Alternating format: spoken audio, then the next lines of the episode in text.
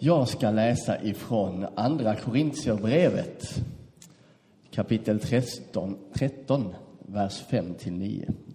Där skriver Paulus så här. Undersök själva om ni har tro. Pröva er själva. Märker ni inte att Kristus Jesus finns hos er? Eller är det så att ni inte består provet? Jag hoppas ni ska inse att jag för min del har bestått det. Jag ber till Gud att ni inte ska göra något som är ont. Inte för att jag ska visa mig hålla måttet, utan för att ni ska göra det som är gott. Sedan får det gärna se ut som om jag inte höll måttet. Jag kan inte skada sanningen, bara främja den. Jag gläder mig när jag själv är svag och ni är starka. Just det ber jag om, att ni ska bli allt mer felfria.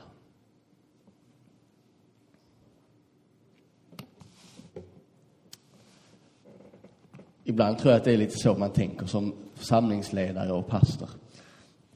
Man blir så glad när församlingen är igång, så att säga. Man känner att ja, men jag behövs inte som pastor. Jag är liksom onödig. Ibland, vi är några pastorskollegor som säger det, att vårt mål är att vi ska bli överflödiga. Det hade ju varit fantastiskt. Sen tror jag att kanske inte att, att det är så det kommer funka för mig, för att jag behöver ju ja, jag behöver ju jobba och sådär och få lön och betala huslån och så som alla andra. Så ni får inte göra mig helt överflödig än. Fast igår så kände jag mig, inte överflödig, det kände jag mig verkligen inte. Men jag kände att jag kunde bara vara här i rummet, bara finnas. Jag behövde inte säga någonting, göra någonting. För det var så talande i sig själv. Hur har du det med Jesus? Den frågan är inte så vanlig längre. Den ställde man eh, ofta förr när man var ute och evangeliserade. Hur har du det med Jesus egentligen? Det gör man inte längre, kanske av goda skäl. Det anses lite kontroversiellt idag, lite som ett intrång på den personliga integriteten eller något. Hur har du det med Jesus? Det liksom ligger också nästan något lite självgott över det att jag har det minsann bra med Jesus, men hur har du det? Eh, Åtminstone kunde det nog tolkas så i, förr i tiden, eller nu. Vi ställer inte den frågan till varandra längre. Kanske vi borde, eller kanske inte, jag vet inte. Ni får fundera på det. Men vad jag tror är att vi kanske skulle ställa den till oss själva istället. Och själva fundera på hur har jag det med Jesus egentligen? Vad skulle hända då? Paulus som har skrivit den här texten i Andra Korinthierbrevet, han har det inte så lätt alltid. Han hade det inte så lätt på sin tid och han har fortfarande inte det särskilt lätt egentligen, även om han är död och begraven sedan länge. Visserligen så är han fenomenal på att teologisera sin samtids förståelse av de där händelserna kring påsken år 33 på ett sätt som skapade relevans i sin samtid. Men även 2000 år senare. Fenomenal på det på många sätt. Fast han hade nog ingen aning om det när han skrev sina brev. Inte heller hade han nog ambitionen att de här texterna och tankarna skulle bära kristna och en kyrka genom 2000 år. Det är egentligen ganska häftigt när man tänker efter. Undrar om någon kommer att vara intresserad av att läsa mina försök att förstå Jesus i vår samtid om ytterligare 2000 år. Jag tror knappast det, va? Man vet aldrig. Men jag är glad att ni är här idag och vill lyssna. Men trots att Paulus är fenomenal på det här så har han det inte så lätt. Han är rätt starkt kritiserad idag som likväl som när det begav sig. Visserligen för olika saker.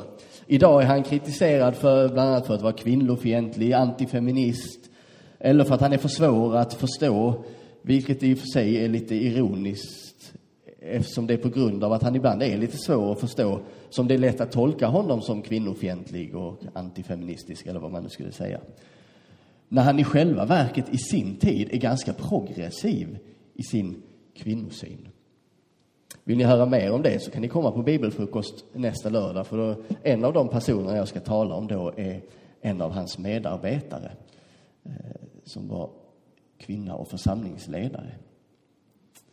Det står inte mycket om henne, men med små ledtrådar i Bibeln kan man hitta en hel skatt. Så välkomna på det. Men han var också kritiserad i sin egen tid. Dels av de andra apostlarna och även av Jesus egen bror Jakob som var församlingsledare i Jerusalem. De bråkade främst om eh, huruvida de nya kristna på den tiden, de som inte tillhörde det judiska folket och hade blivit kristna, utan de där andra som kallades hedningar. De som bodde i Galatien, i Korint och Thessalonike och ja, var nu helst de bodde. Eh, inte så mycket i Rom. I Rom var de flest judar till att börja med. Det var många judekristna i Rom. Men de bråkade om det, huruvida de här nya kristna skulle bli judar också. Måste de omskära sig för att få vara med i Guds förbund? Och så vidare, och så vidare. Den här konflikten kan man ju läsa om bland annat i Galaterbrevet och Apostlagärningarna från två olika perspektiv. Och vill ni veta mer om det så får ni prata med mig efter gudstjänsten. Så kan jag ha en lång bibelutläggning om konflikten i Antiochia eh, för den som är intresserad av det. Det är väldigt spännande. Paulus var också kritiserad av flera församlingarna som han reste till och skrev brev till. Faktum är att i stort sett hela andra Korintierbrevet som dagens text är hämtad från är i ett stort sett ett enda långt försvarstal av Paulus för deras kritik som de har mot honom. Där han känner att han måste hävda sin relevans gentemot de andra apostlarna i korintiernas ögon.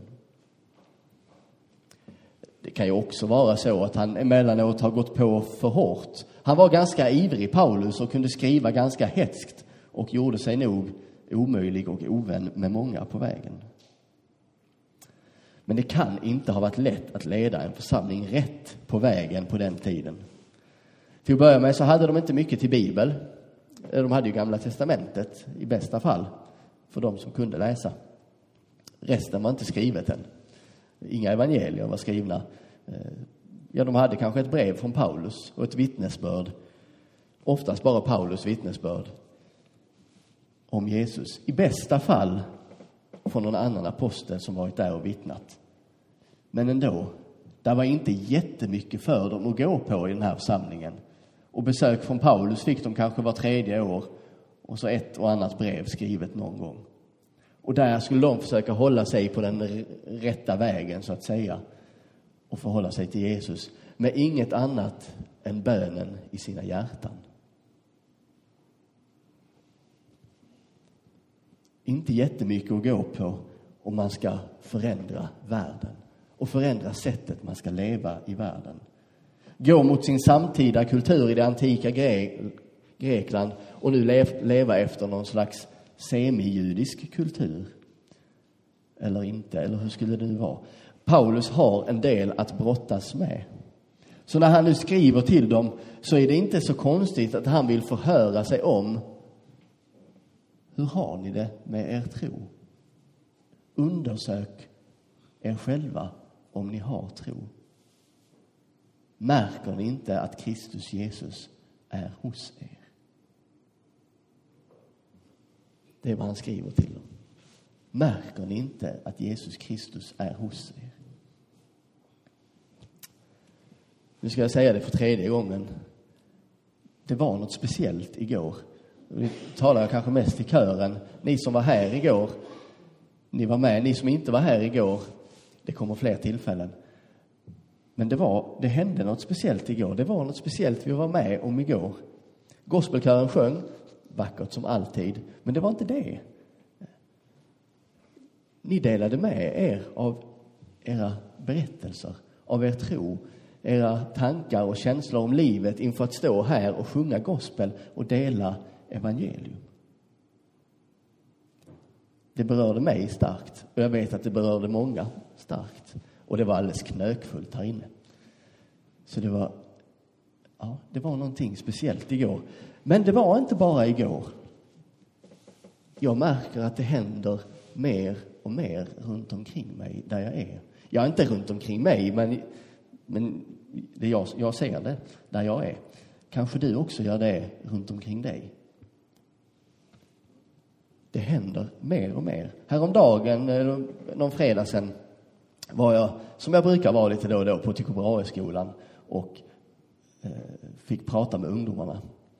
Eh, och då brukar jag prata om det här, kan man eh, leva i vår naturvetenskapliga värld med den världsbilden och ändå ha en tro på Gud? Är det förenligt med varandra? Ja, är ju min hypotes. Och jag fick vara där och prata.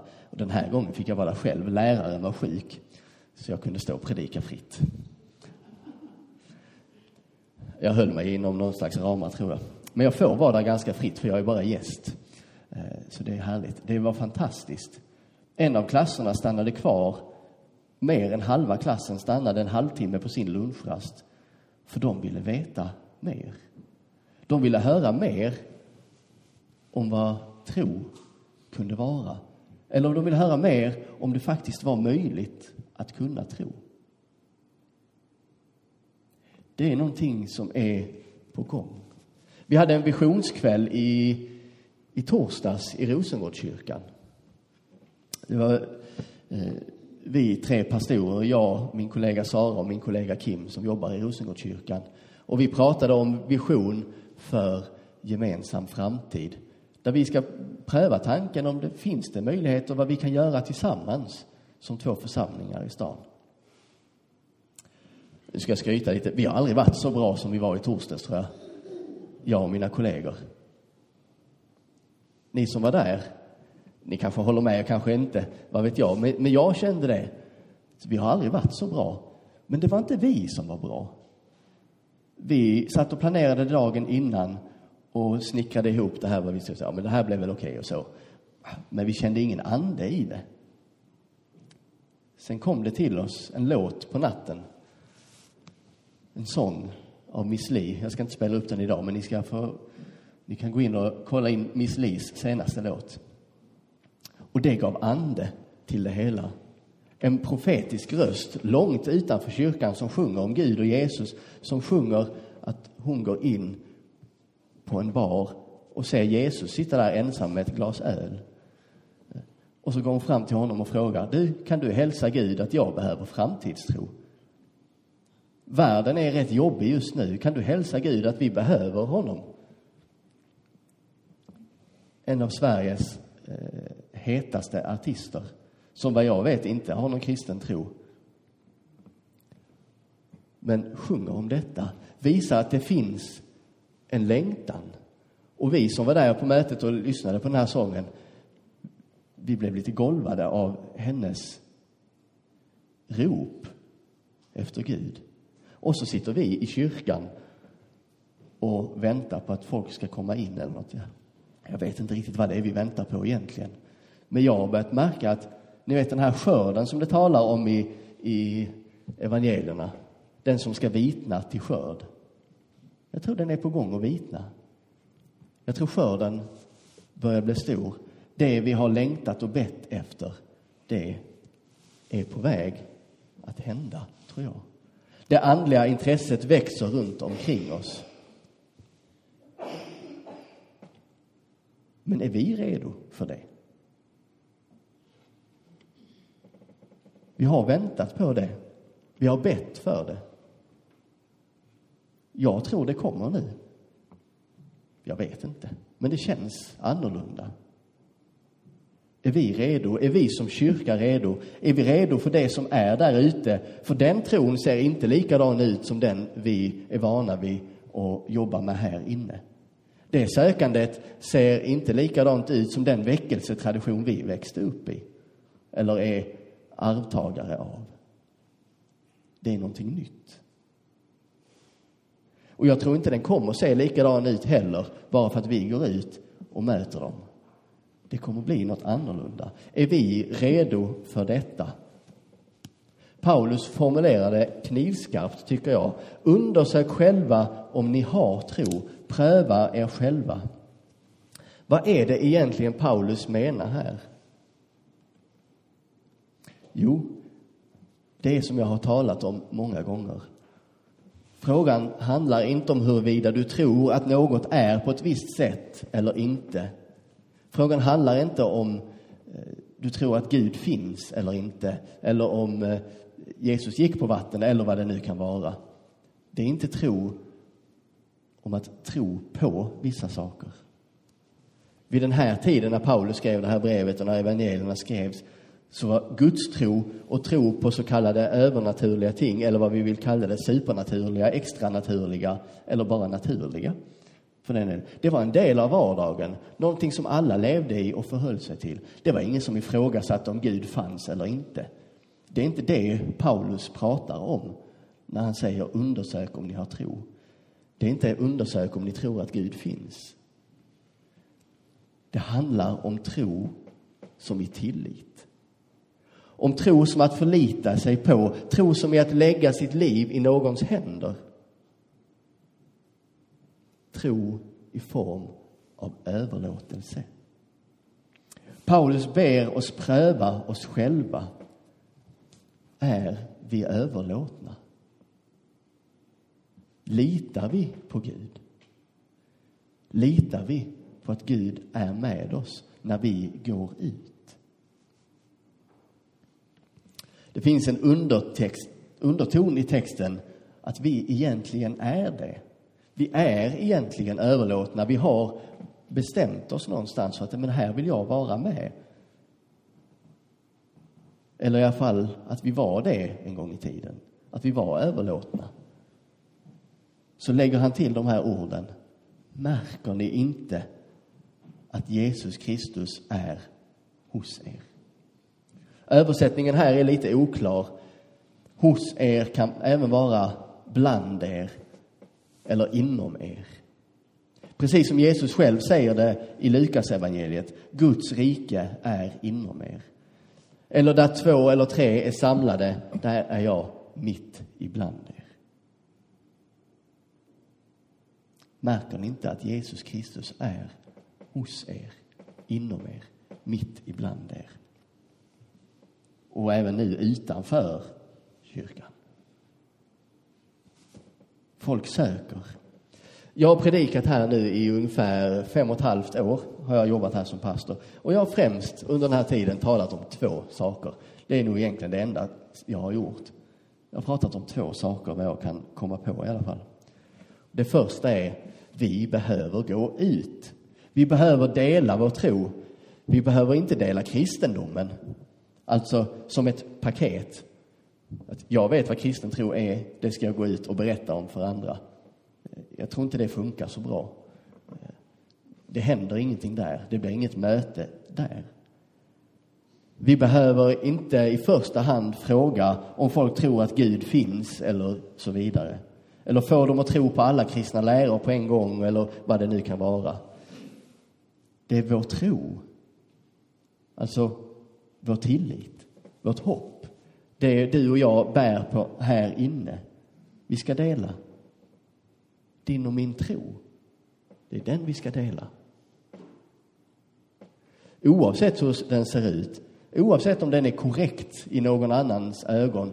Eh, kyrkor finns det gott om, teologiska läror finns det gott om och strider gör vi mellan varandra, alla kyrkor, om huruvida det ska vara si eller så och så. Så vem vet vad som är rätt egentligen? Det kanske inte är oviktigt i, det, i något större sammanhang, men i det här sammanhanget är det inte det viktigaste, tänker jag. Oavsett hur tron ser ut, gå ut och dela. Dela din tro med andra. Våga dela din tro, våga dela vad den betyder för dig. Och kom då ihåg, tro som i tillit, tro som att lägga sitt liv i något, tro som i överlåtelse. Det var det jag hörde igår. Det var det jag upplevde här igår som jag vill tacka er i kören för, för det blev en ögonöppnare för mig också. Men om det nu inte är så viktigt att förhålla sig helt korrekt till de kristna lärorna och dogmerna, hur vet vi då att det är rätt tro vi har och rätt tro vi delar? Jo, det är den andra saken jag brukar tala om. Och det är kanske det jag talar mest om, oftast om. För jag tror inte världens frälsning hänger på om du har en korrekt tolkning av treenighetsläran. Inte heller den, hänger den på huruvida du, vad du har för syn på eh, kristologin. Inte hänger den, heller hänger den på om det är avgörande huruvida Maria var jungfru eller inte, eller på vilket sätt det hela gick till, eh, eller om du ens vet om det, eller är intresserad av att fundera på de frågorna. Världens frälsning hänger inte på att du tänker rätt i detta. Den andra saken jag brukar prata om är kärlek. Det som Jesus har befallt oss att göra, att älska varandra. Och jag tror snarare att det är det som världens frälsning hänger på än att vi har korrekt tro på alla läror. Att vi älskar varandra. Det är där Gud manifesterar sin kärlek idag. Genom oss. Vi är lärjungarna idag. Vi är apostlarna idag. Vi är Guds folk, Guds händer, Guds fötter, Guds röst. Gud talar genom oss. Hur ska folket där ute veta att Gud älskar dem om inte vi gör det? Det räcker inte med att vi säger det. Gud älskar dig. För hur ska de veta det? Det blir bara tomma ord om inte vi också gör det. Temat för den här söndagen i kyrkoåret är vaksamhet och väntan. Och det är som Jenny sa, det är väntan på att Jesus ska komma åter. Vaksamhet på tecken att det är på gång. Jag ser nu tecken överallt, tycker jag. Men det kanske är den period jag är inne i just nu. Men jag tycker jag ser tecken överallt på att tiden är inne. Att världen utanför våra fyra kyrkväggar är redo för Jesu återkomst. Inte den där med eld och svavel och domedag och, och sådär. Det är någonting vi kan fundera på om vi tycker är spännande och så. Det vet vi ingenting om hur det blir eller är. Nej, jag tror världen är redo för Jesu återkomst. Eller kanske egentligen kyrkans återkomst, församlingens återkomst. Världen är redo för trons återkomst. Inte tro som i tro på att det här är si eller det här är så, utan tro som i tillit. Tro som i relation med det gudomliga, med Gud. Världen utanför söker mer än på många, många år. Det vitnar till skörd. Är vi redo att skörda?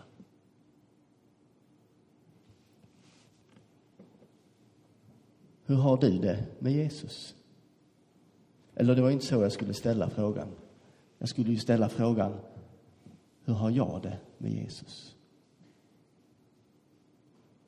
Ta en stund under ljuständningen idag och fundera på det. Hur har jag det med Jesus? Med min överlåtelse? På vilket sätt kan jag gå ut